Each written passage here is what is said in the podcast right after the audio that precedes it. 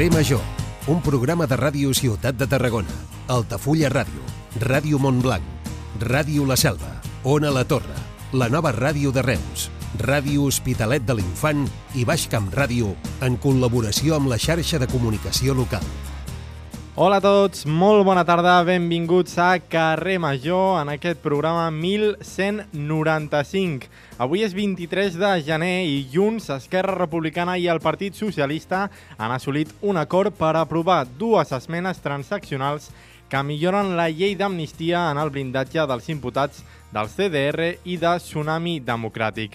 Els tres grups han signat una esmena transaccional a la que s'afegeixen també els grups de Sumar, el PNB, Bildu i el BNG, que delimita el delicte de terrorisme que quedarà exclòs de l'amnistia sempre que de forma manifesta i amb intenció directa hagi causat violacions greus de drets humans, en particular les previstes a l'article 2 i 3 del Conveni Europeu dels Drets Humans. La modificació quedarà incorporada al dictamen de la comissió que s'aprova avui i es votarà dimarts que ve al ple del Congrés.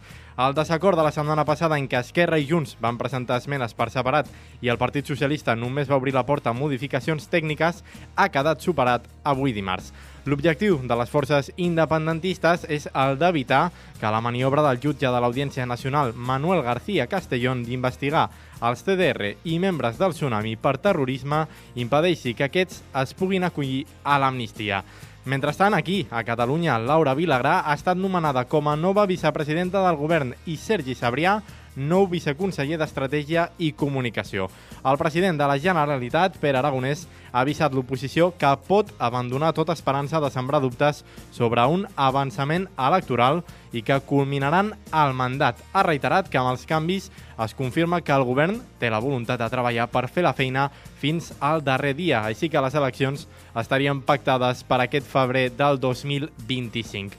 Per Junts per Catalunya, els canvis anunciats aquest dimarts pel president Pere Aragonès són retocs cosmètics que s'han de llegir en clau electoral per intentar remuntar a la desesperada. En aquests termes s'hi ha referit el vicepresident i portaveu del partit, Josep Rius, en un missatge a X, a l'antiga Twitter, on ha lamentat que el reforçament de Laura Vilagrà i Sergi Sabrià no aporten res pel que fa a la millora de la gestió del govern en un moment en què hi ha prioritats com la sequera o l'ensenyament. Són els titulars del dia a nivell català i ara entrarem també en matèria local, però abans, com sempre, ens presentem. Som Carrer Major, som les emissores del Camp de Tarragona i us acompanyem des d'ara i fins les 6 de la tarda l'Iris Rodríguez, l'Aleix Pérez, en David Fernández, la Gemma Bufies, la Cristina Artacho, l'Adrià Requesens, l'Anna Plaza, el Pau Corbalan, l'Antoni Mellado, el Toni Mateos, avui també l'Eric Rosique, jo, que sóc el Jonai González, i al meu costat el nostre tècnic, el Iago Moreno. Comencem.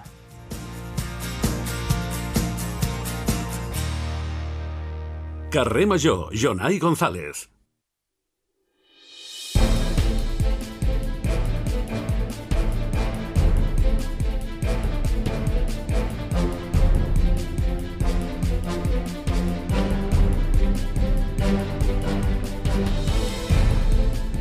Moment de repassar en forma de titulars les notícies més destacades del dia al Camp de Tarragona.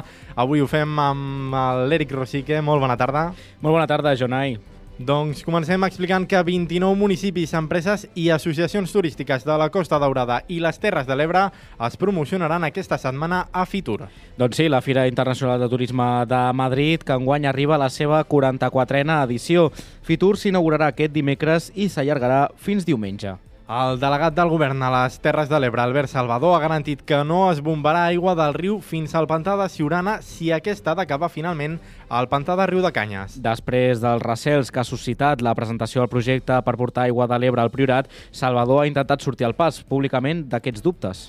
No ens marxem fins a Tarragona, on el president de l'autoritat portuària, Saúl Garreta, ha obert la porta a utilitzar petites desaladores portàtils per reduir l'ús d'aigua de boca i mitigar els efectes de la sequera. Garreta ha explicat que el Port de Tarragona té en marxa una prova pilot per implementar aquest sistema que permetrà generar fins a 7 metres cúbics al dia. I marxem fins la Conca de Barberà, que manté l'índex de recollida selectiva en prop del 78% aquest 2023. Així doncs, la comarca consolida una lleugera tendència a la baixa dels últims anys pel creixement del rebuig. A la capital del Baix Camp, a Reus, l'empresa municipal Radesa, dedicada a l'impuls i l'acompanyament del teixit empresarial, celebra els 30 anys de la seva fundació. Al llarg d'aquests 30 anys s'han assessorat prop de 600 empreses. Torredembarra ha estat l'escenari aquest dilluns d'una prova pilot per a l'aprofitament de fruits dels arbres que es troben en espais públics. Es tracta d'una iniciativa que posa en marxa la Fundació Espigoladors i que busca reduir els residus i lluitar també contra el malbaratament alimentari. I a Tarragona queden pocs dies per la nova edició del Carnaval que s'ha presentat avui. Moment important per la ciutat, que tindrà lloc del 2 al 13 de febrer i enguany comptarà amb el doble de pressupost que l'any anterior, amb un programa farcit de novetats. I del mític Carnaval de Tarragona a la tradicional calçotada de Valls, que viurà la 42a gran festa aquest diumenge 28 de gener. La concentració gastronòmica torna a esperar una màxima afluència de visitants a la capital del Camp a una sèrie d'activitats que es desenvoluparan en diferents punts del centre històric. I en esports avui destaquem un altre atleta, Aaron Sola, que va aconseguir la medalla de plata en llançament de pes al Campionat de Catalunya Absolut de pista coberta.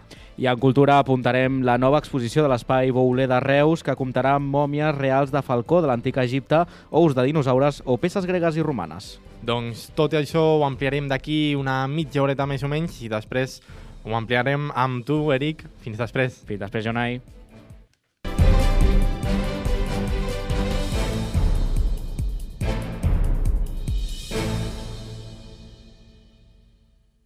Carrer Major. Toni Mateos.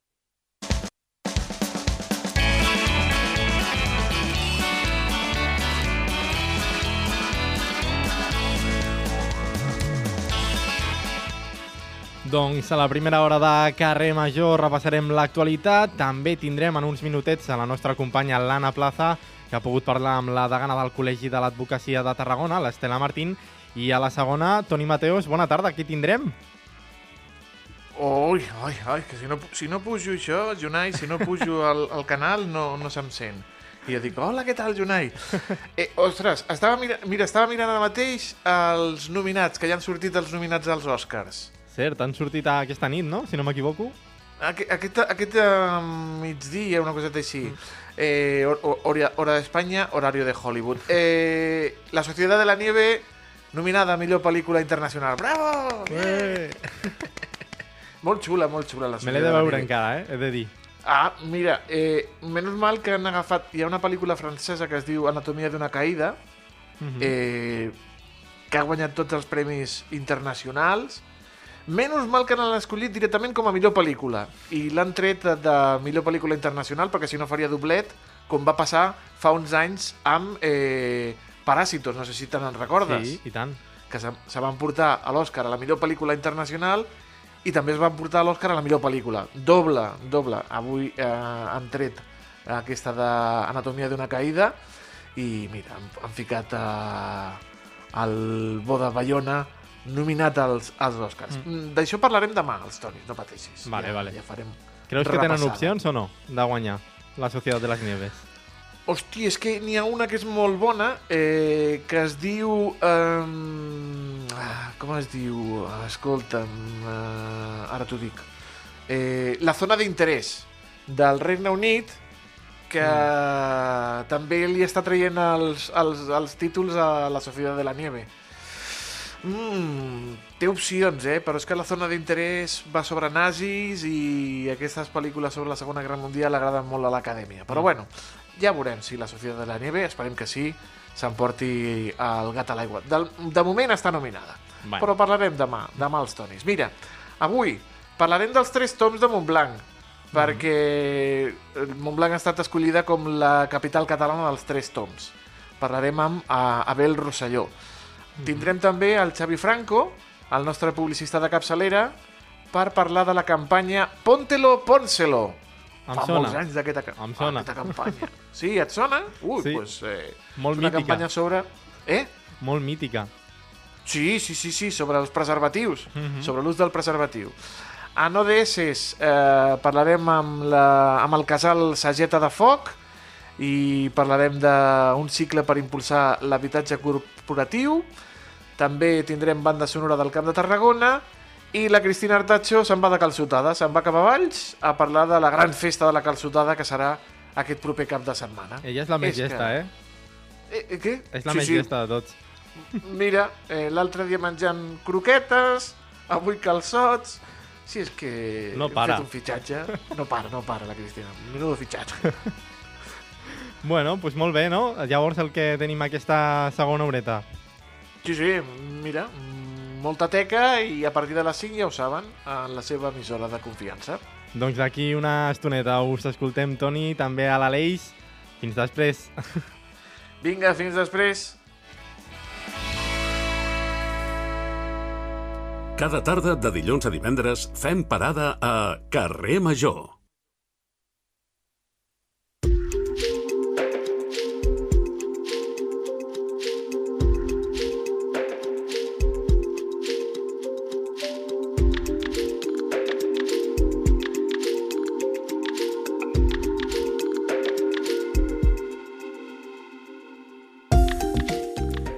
I com dèiem fa uns minutets, avui la nostra companya Ana Plaza està ben acompanyada amb la degana del Col·legi de l'Advocacia de Tarragona perquè fa uns dies es celebrava el Dia de la Conciliació. És per això que avui està amb l'Estela Martín, així que connectem amb la nostra companya des d'on a la Torre, Ana Plaza. Doncs seguim en la primera hora de Carrer Major. Eh, la nostra convidada eh, en aquesta primera hora, el tram més informatiu del programa, és l'Estela Martín i ens ha acompanyat en altres edicions de Carrer Major, encara no aquesta temporada. Ella és la degana del Col·legi de l'Advocacia de Tarragona i l'hem convidat eh, justament eh, perquè ara, el dia 21, es va commemorar el Dia de la Mediació i tot just fa uns eh, pocs dies eh, presentaven balanç de com ha anat l'activitat de mediació eh, als eh, partits judicials de, de Tarragona. Senyora Martín, bona tarda, benvinguda. Molt bona tarda. Tot just fa uns dies presentàveu aquestes dades del balanç de l'activitat de mediació, eh, que és un servei també que ofereu, eh, oferiu des del Col·legi de l'Advocacia, i eh, parlàveu d'un descens en el nombre de persones que havien utilitzat aquest servei durant l'últim any. Què ha passat? Doncs, eh, malauradament, sí que hi ha hagut un descens del número de peticions que nosaltres eh, hem analitzat i, i hem descobert que hi ha dues causes possibles. Eh, la primera és que mm, va haver un munt de vagues l'any passat, l'any 2023, va haver incidència de vagues de lletrats de l'administració de justícia i també eh, va haver vagues de personal de l'administració. Tot, eh, tot això fa que hi hagi un menor número de notificacions i si baixen les notificacions, el que baixa també són les peticions de mediació. Estan totalment relacionades i, i una és causa de l'altra. Si no m'arriba una demanda de divorci, lo demano per mediar un, un divorci, per exemple. Altra de les causes que hem detectat és l'alta mobilitat de jutges i jutgesses que tenim a la província de Tarragona. A veure, això és un problema històric, no?, aquest de la mobilitat. Eh, sí. N'heu parlat moltes vegades. Mm, Exactament. I el que fa és que eh, tota aquesta gent que ens fa les derivacions eh, judicials, els jutges i jutgesses que creuen en la mediació i fan aquestes derivacions, al cap de l'any marxen i hem de tornar un altre cop a començar a explicar què és la mediació, que vegin que funciona i quan ja tornen a estar funcionant, marxen un altre cop. I sí, això és un problema eh, endèmic de les províncies de Tarragona. És exclusiu de les províncies de Tarragona o també es dona als altres partits judicials catalans? Perquè em sembla que és un problema bastant extès al país. Sí, tenim un, una falta de vocació d'opositors a Catalunya. Llavors eh, ve molta gent de fora i el lògic és que quan arribi el temps màxim que tenen eh, per estar aquí, demanin tornar a la seva terra. A no ser que hagin trobat parella i que se trobin molt bé a Tarragona, que seria lògic perquè és una ciutat meravellosa, però el, el més normal és que si un jutge de Saragossa està aquí al cap de l'any, que és el, que, el termini que tenen per, um, per primer destí, doncs tornin a, el més a prop de casa. Uh -huh. um, vau explicar concretament que el descens d'aquest nombre de- d'activitats o d'actuacions en mediació va caure un 25%. Durant l'any passat es van fer 255 procediments i la meitat van arribar amb acord. No sé si és el percentatge, aquest 50%, aquesta meitat aproximadament, el que mm, considereu eh, que és una xifra òptima o que creieu que encara es podrien obtenir més bons resultats fent mediació. bé, això depèn de les parts, no depèn de nosaltres, i llavors no hi ha una manera, una incidència de, eh, que nosaltres podem fer, alguna acció que podem fer per, eh, per variar aquest número, però és un de, una de les millors dades de tota Catalunya. Mm. Llavors, eh, estem contents. Això vol dir que eh, la meitat dels procediments que han entrat per mediació no han hagut d'acabar amb una vista judicial.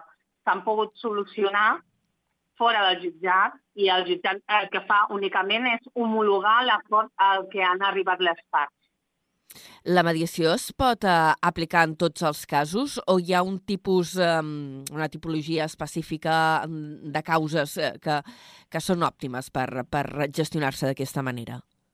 La normativa estableix una sèrie d'exclusions eh, als procediments que poden ser mediables, entre ells violència de gènere perquè eh, entén el legislador que eh, la víctima està en una posició de vulnerabilitat i llavors no està amb igualtat d'eines, d'armes a l'hora de negociar, de trobar una solució, per exemple. El més òptim eh, per mediar, eh, doncs la meva opinió i la de molts experts, és eh, temes de família i temes veïnals eh, més que res perquè el veí eh, que es baralla amb un altre veí pot ser que tingui un dels dos una sentència que li dona la raó, però el problema seguirà estant allà, es seguiran veient cada dia i el conflicte escalarà. I en un tema de família ja és obvi que, evidentment, no es pot anar per cada conflicte al jutjat. Hem de buscar vies més adequades a la resolució dels conflictes familiars. I, a més, en cas de, del tema de família, si la solució ve per part d'un tercer, d'un jutge, per exemple, eh, el que passa és que eh, hi ha una tendència més baixa a complir aquesta norma. És a dir, si el jutge em diu que haig de veure els, els nens dimarts i dijous, potser a mi no em va bé, no ho volia així i no compleixo. De l'altra manera, jo he buscat la solució, potser dir que dimarts i dijous, mentre no tingui torn a la fàbrica, per exemple. Llavors, eh, ho compliré amb un percentatge molt més alt. No acabarem un altre cop al jutjat eh, per eh, executar la sentència, per fer que la sentència es compleixi. Vau explicar també a l'hora de presentar les dades que enguany faria una campanya de comunicació de la mediació i també un curs per formar els advocats.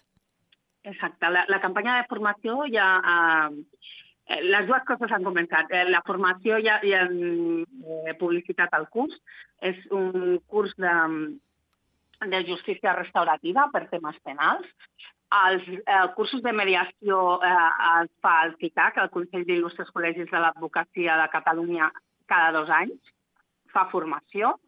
I eh, juntament amb la Generalitat s'estan fent faltes de ràdio i faltes de televisió eh, perquè la ciutadania conegui el servei, conegui què és la mediació i conegui que té aquesta possibilitat de a buscar una alternativa al jutjat. Uh -huh. eh, perquè com funcionaria així?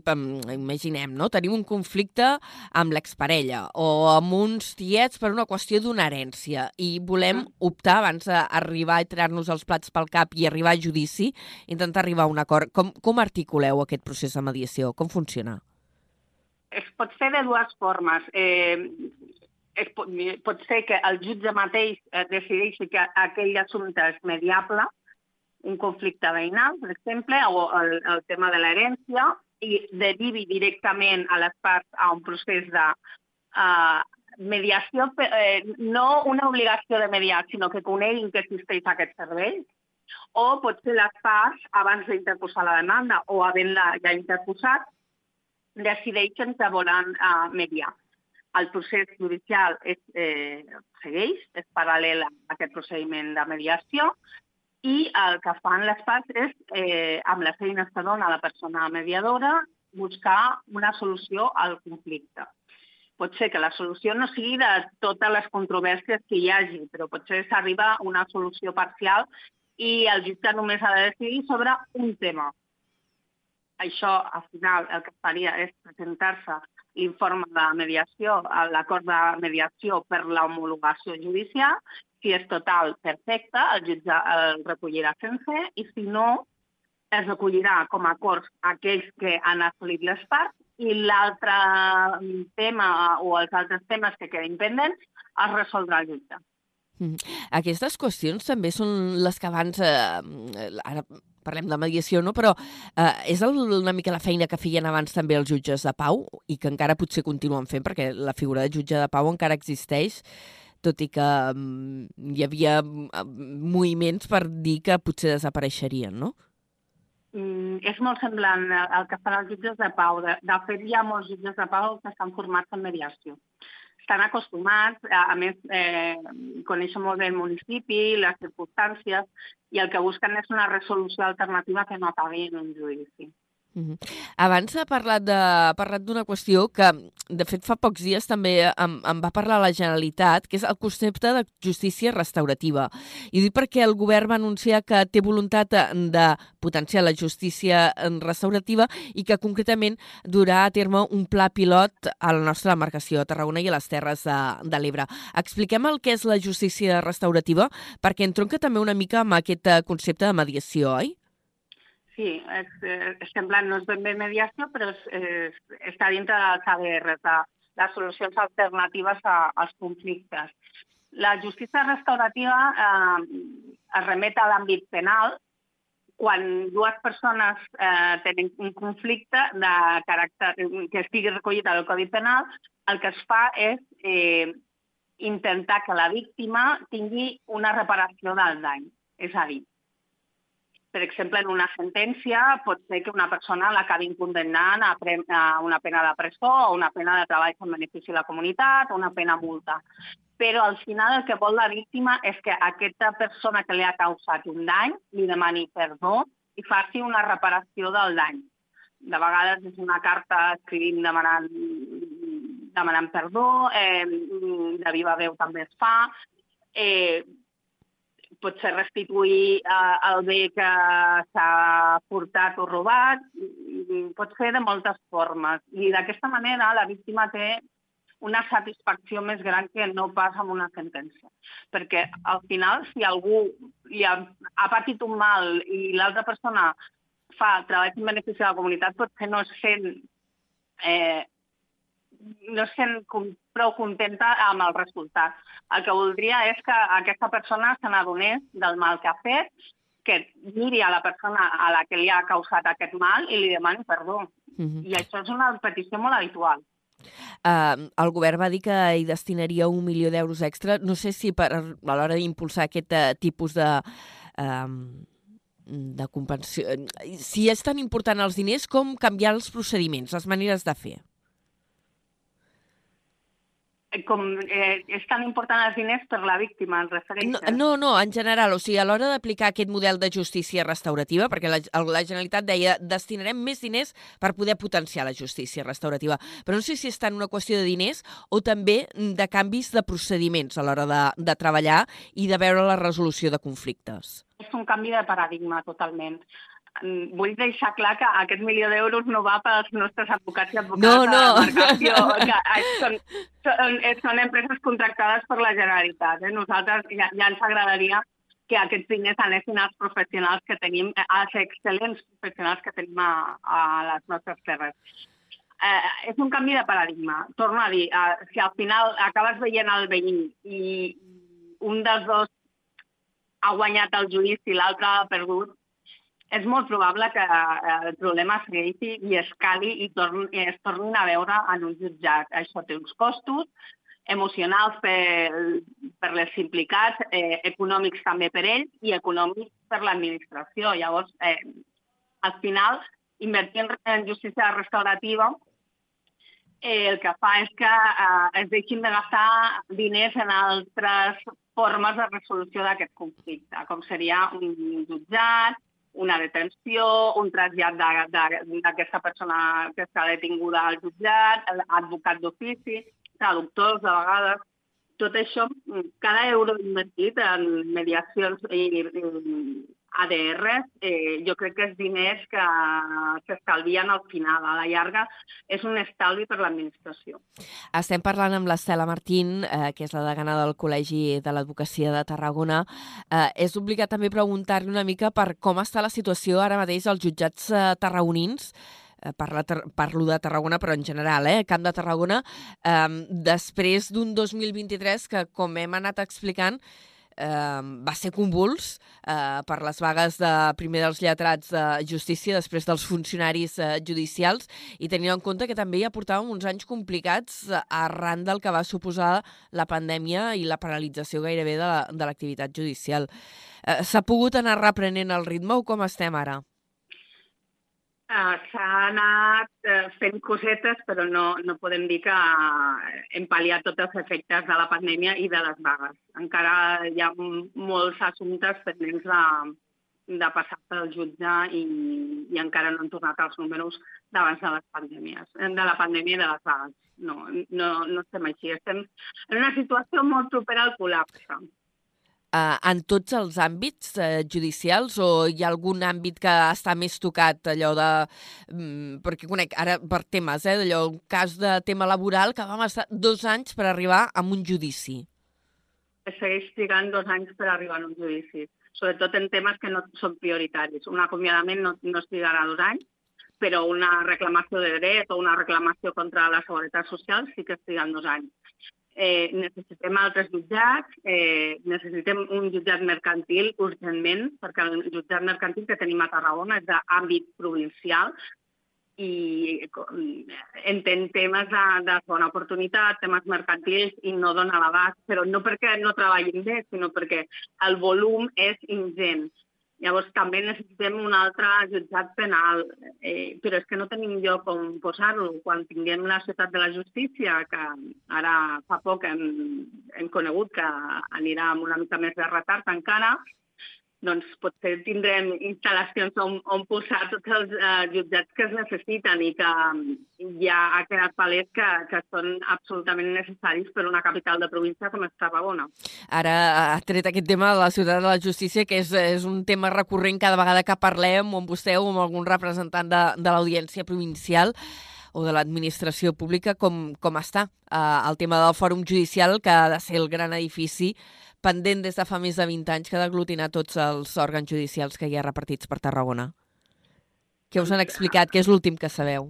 Doncs que hi ha un retard de quatre mesos més. Eh, tot estarà al final cap al 2026. Eh, suposo que ja veurem l'edifici, però ja neix una mica coix, perquè la planificació es va fer fa molt de temps i que és cert que s'ha revisat, però eh, quan s'acabi de fer amb les necessitats que tenim ara i les necessitats futures i, les que ja anat comentant, una altra ciutat mercantil, una altra social, una altra penal, el que farà és que ja neixi petit.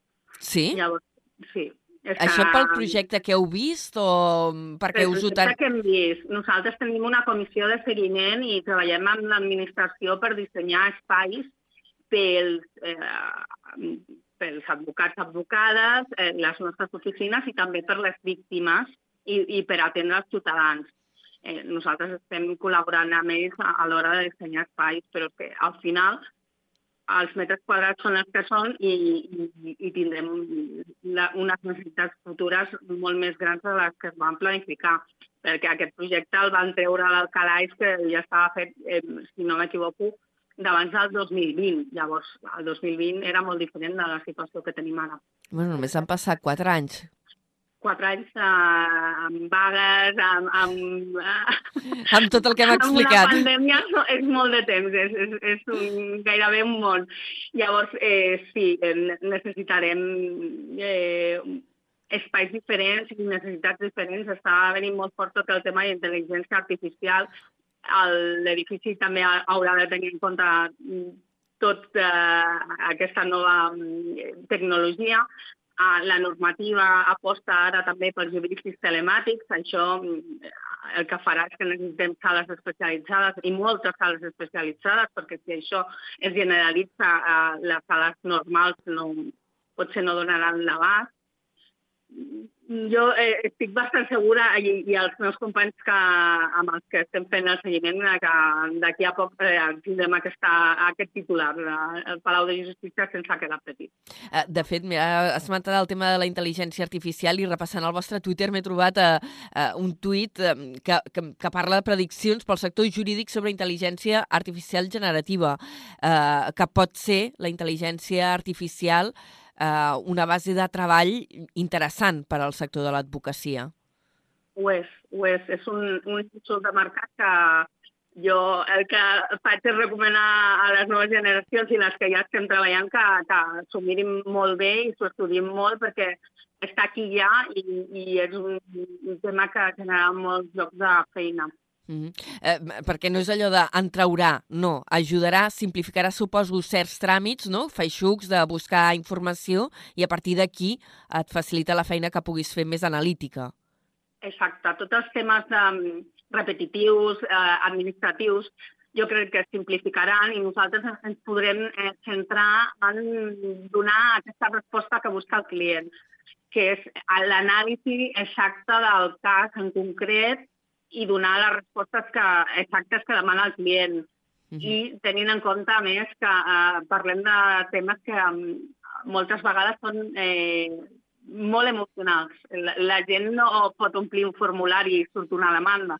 Has de conèixer el client i has de fer les preguntes adequades. Eh, de vegades veus que té certa recança en parlar d'un tema i has de fer una mena de volta i circunloqui per arribar a la informació que necessita realment. Tot això no pot eh, substituir una màquina. Haurà d'haver un professional davant eh, parlant amb el client i donant-li aquesta informació. Llavors, eh, els processos s'automatitzaran, això estic segura, però el component humà és importantíssim en l'advocacia i seguirà sent necessari. Doncs mira, hem acabat parlant una mica de filosofia de l'ofici, de l'advocacia. El nostre ofici, el de periodista, està en procés de transformació, el vostre suposo que una miqueta també, amb totes sí. aquestes noves tecnologies que ens arriben. Eh, li agraïm molt a l'Estela Martín que ens hagi atès avui entre reunió i reunió gairebé eh, per fer balanç de l'activitat de mediació de l'any passat i parlar d'altres qüestions d'actualitat eh, relacionades amb el món de la justícia. Moltes gràcies. Moltes gràcies per comptar amb mi. Fins ara. Adéu. Carrer Major, al Camp de Tarragona, des de ben a prop.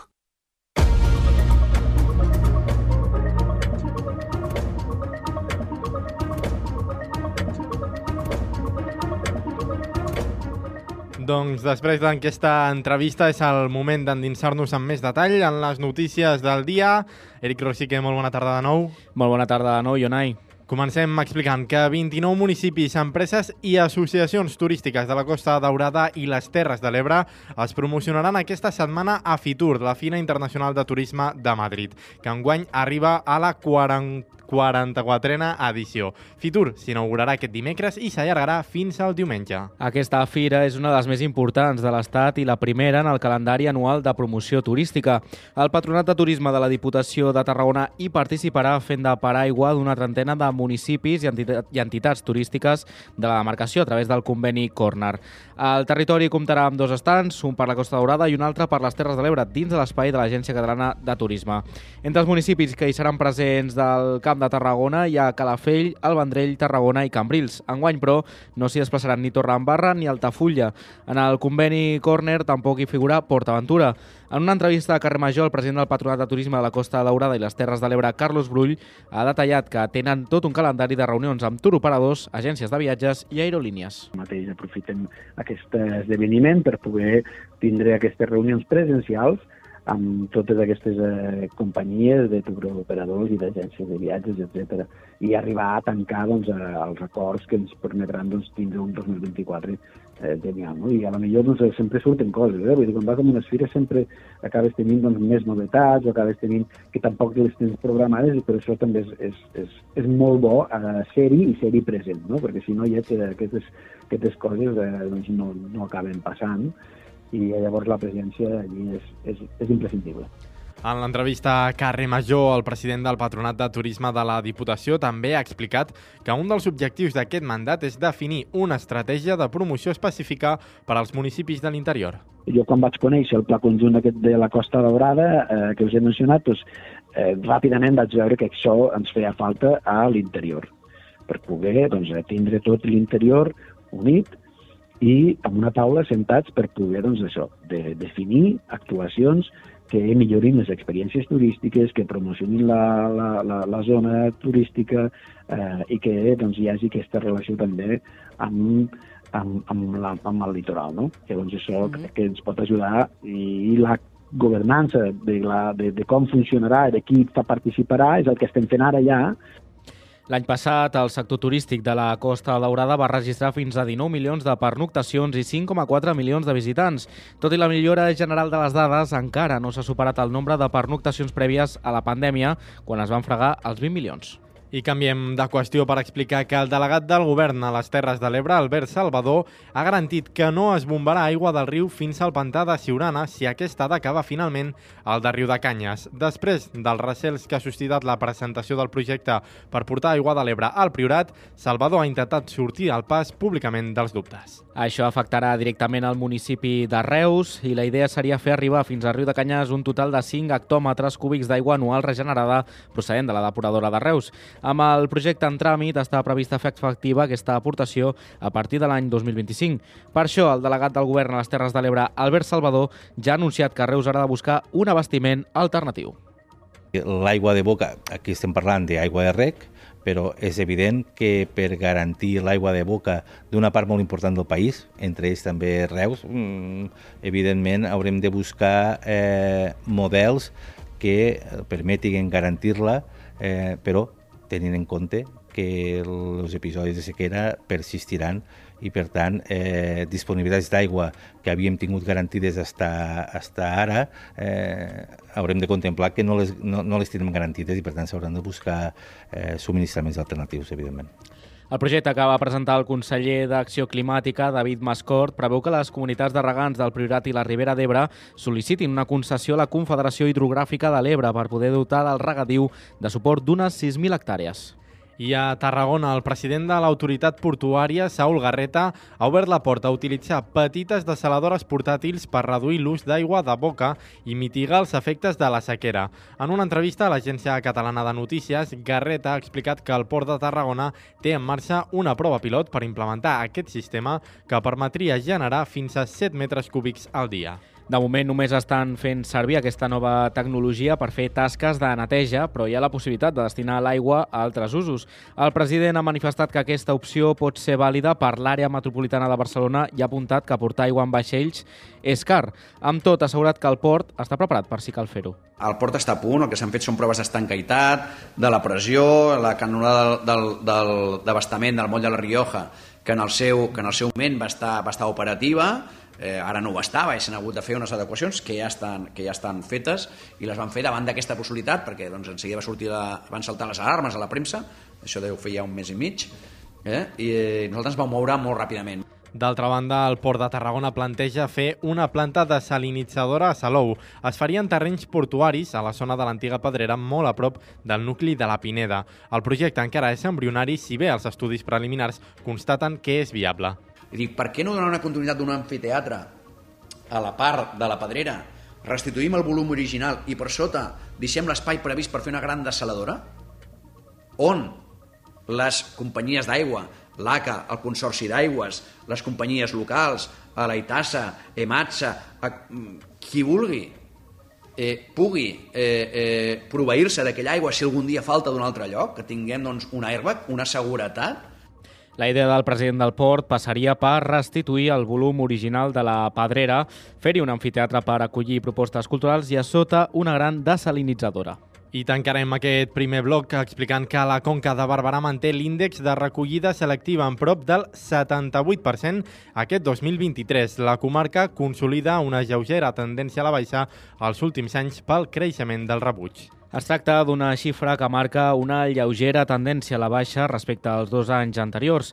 La implementació de la, a la comarca de sistemes de recollida diferenciats li van permetre assolir aquestes xifres que la situen al capdavant de Catalunya, aquesta matèria. Segons el Consell Comarcal, la baixada d'un 0,77% d'aquest 2023 està causada per l'augment del rebuig en un 3,5%, si bé moltes fraccions de selectives mantenen o redueixen. De cara a aquest 2024 està previst posar en marxa un pla pilot en diversos municipis de de pagament per generació. L'objectiu és que cada ciutadà pagui pel que genera i recicla, de manera que qui recicli més ho acabi notant en la seva factura de la brossa. Començarà per Setmana Santa, Barberà de la Conca, Forès i Senan seran els següents al llarg d'enguany. Les 4 i 43 minuts, moment per repassar les notícies d'àmbit més local i comencem a la capital del Baix Camp, a Reus, on després del tiroteig del passat dimecres, els veïns del barri Mas Pellicer han convocat una manifestació per reclamar més seguretat.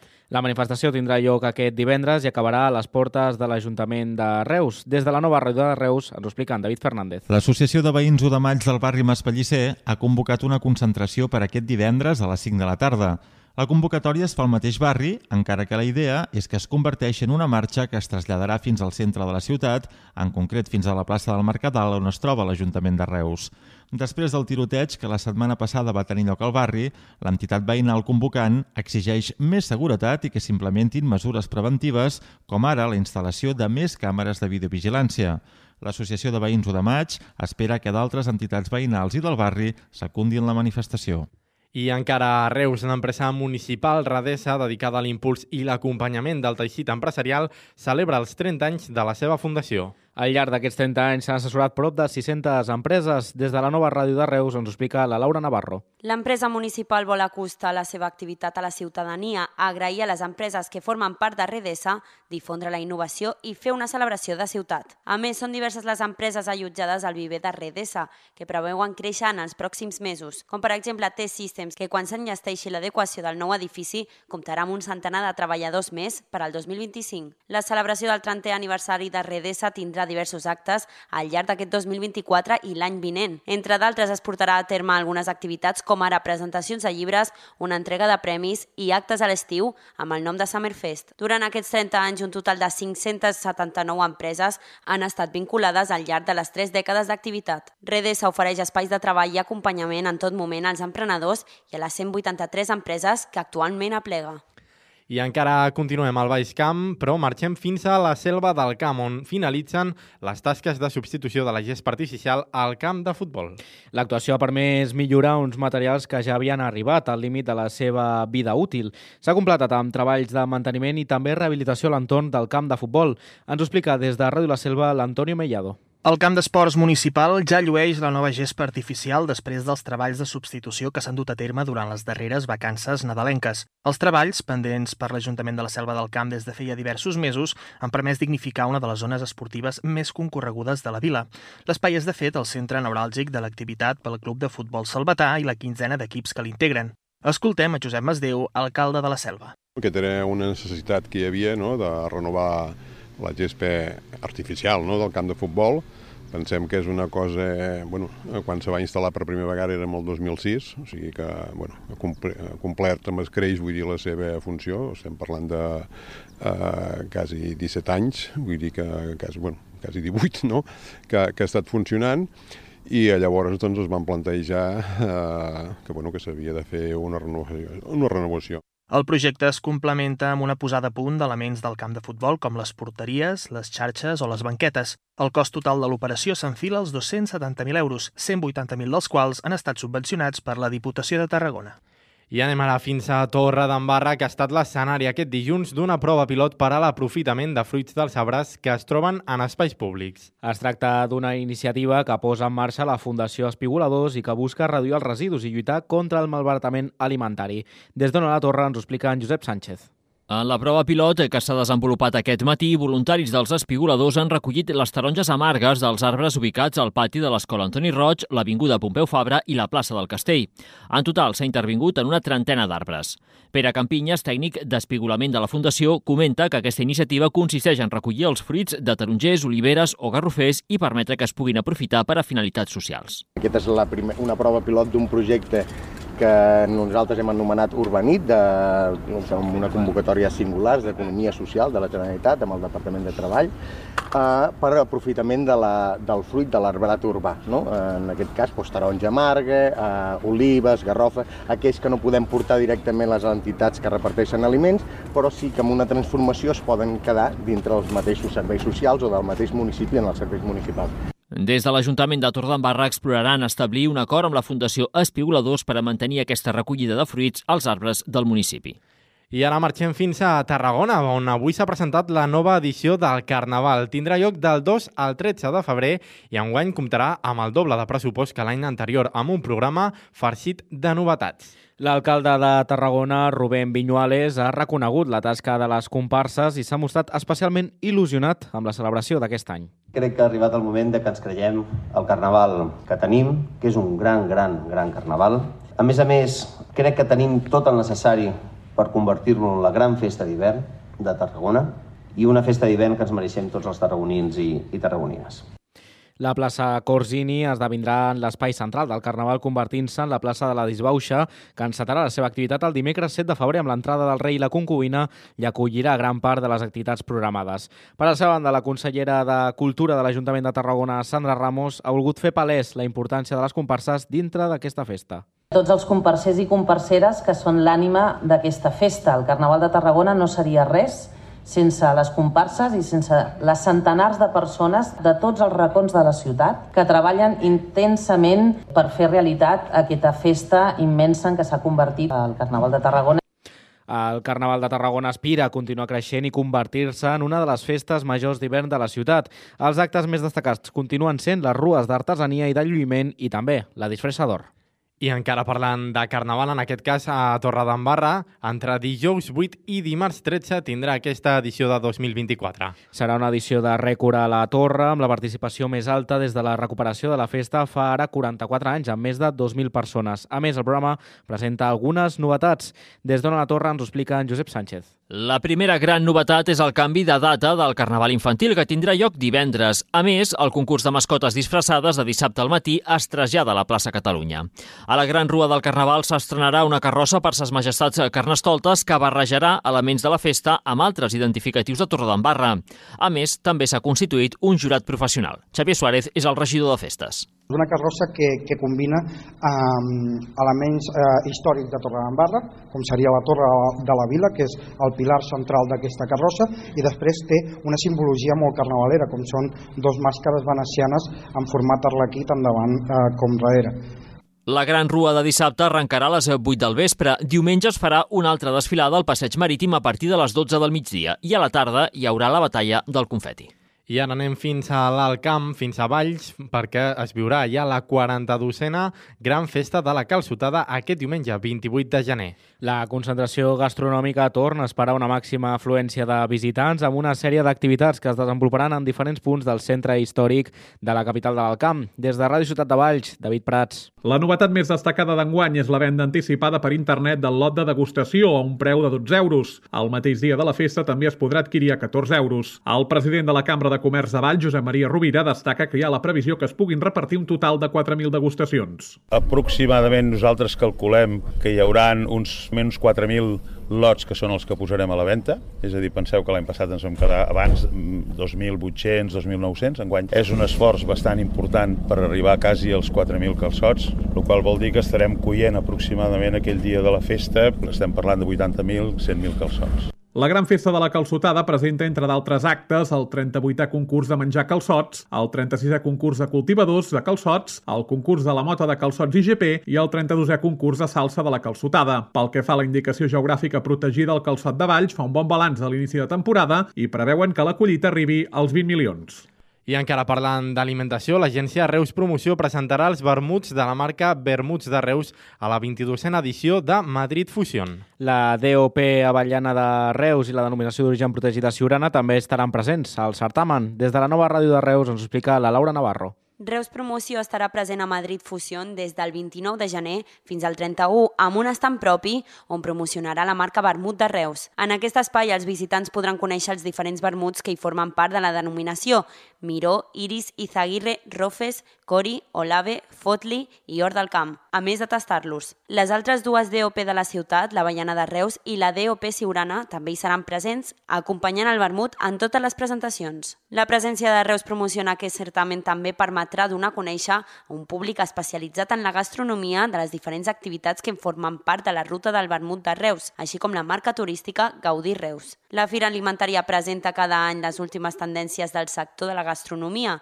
anticipant el que esdevindrà en l'àmbit gastronòmic mundial i afavorint l'apropament a diferents estils de cuina, així com els productes gastronòmics.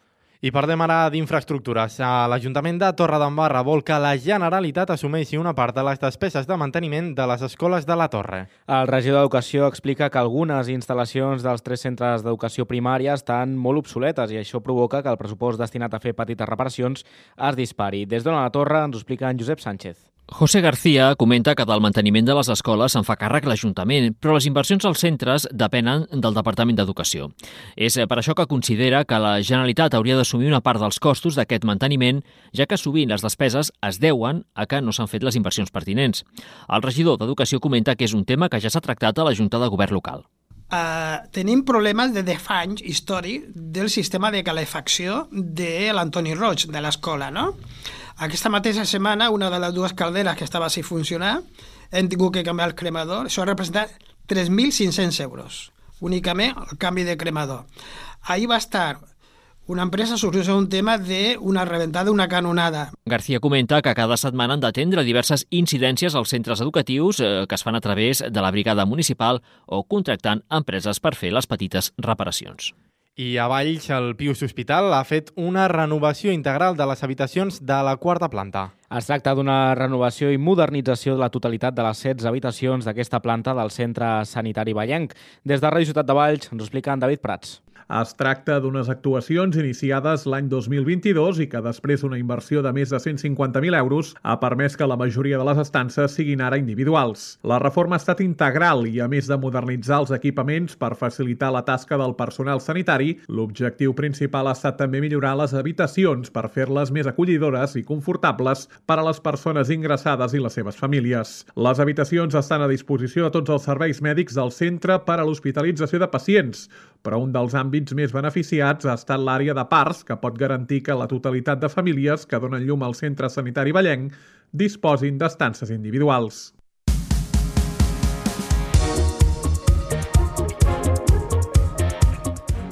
I en esports hem de destacar l'actuació d'Aaron Sola, que va aconseguir la medalla de plata en llançament de pes al Campionat de, Can de Catalunya absolut de pista coberta, que es va celebrar el passat cap de setmana. L'atleta torrenc, que pertany a l'Associació Atlètica Catalunya, va signar un millor intent de 15 metres i 57 centímetres. Només el va superar Eloi Rovira, que va aconseguir un registre de 16 metres i 45 centímetres.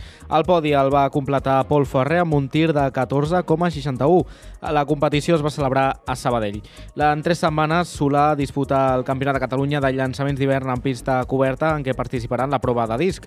Posteriorment hi haurà el Campionat d'Espanya, en què també competirà en aquesta modalitat, descartant la del pes.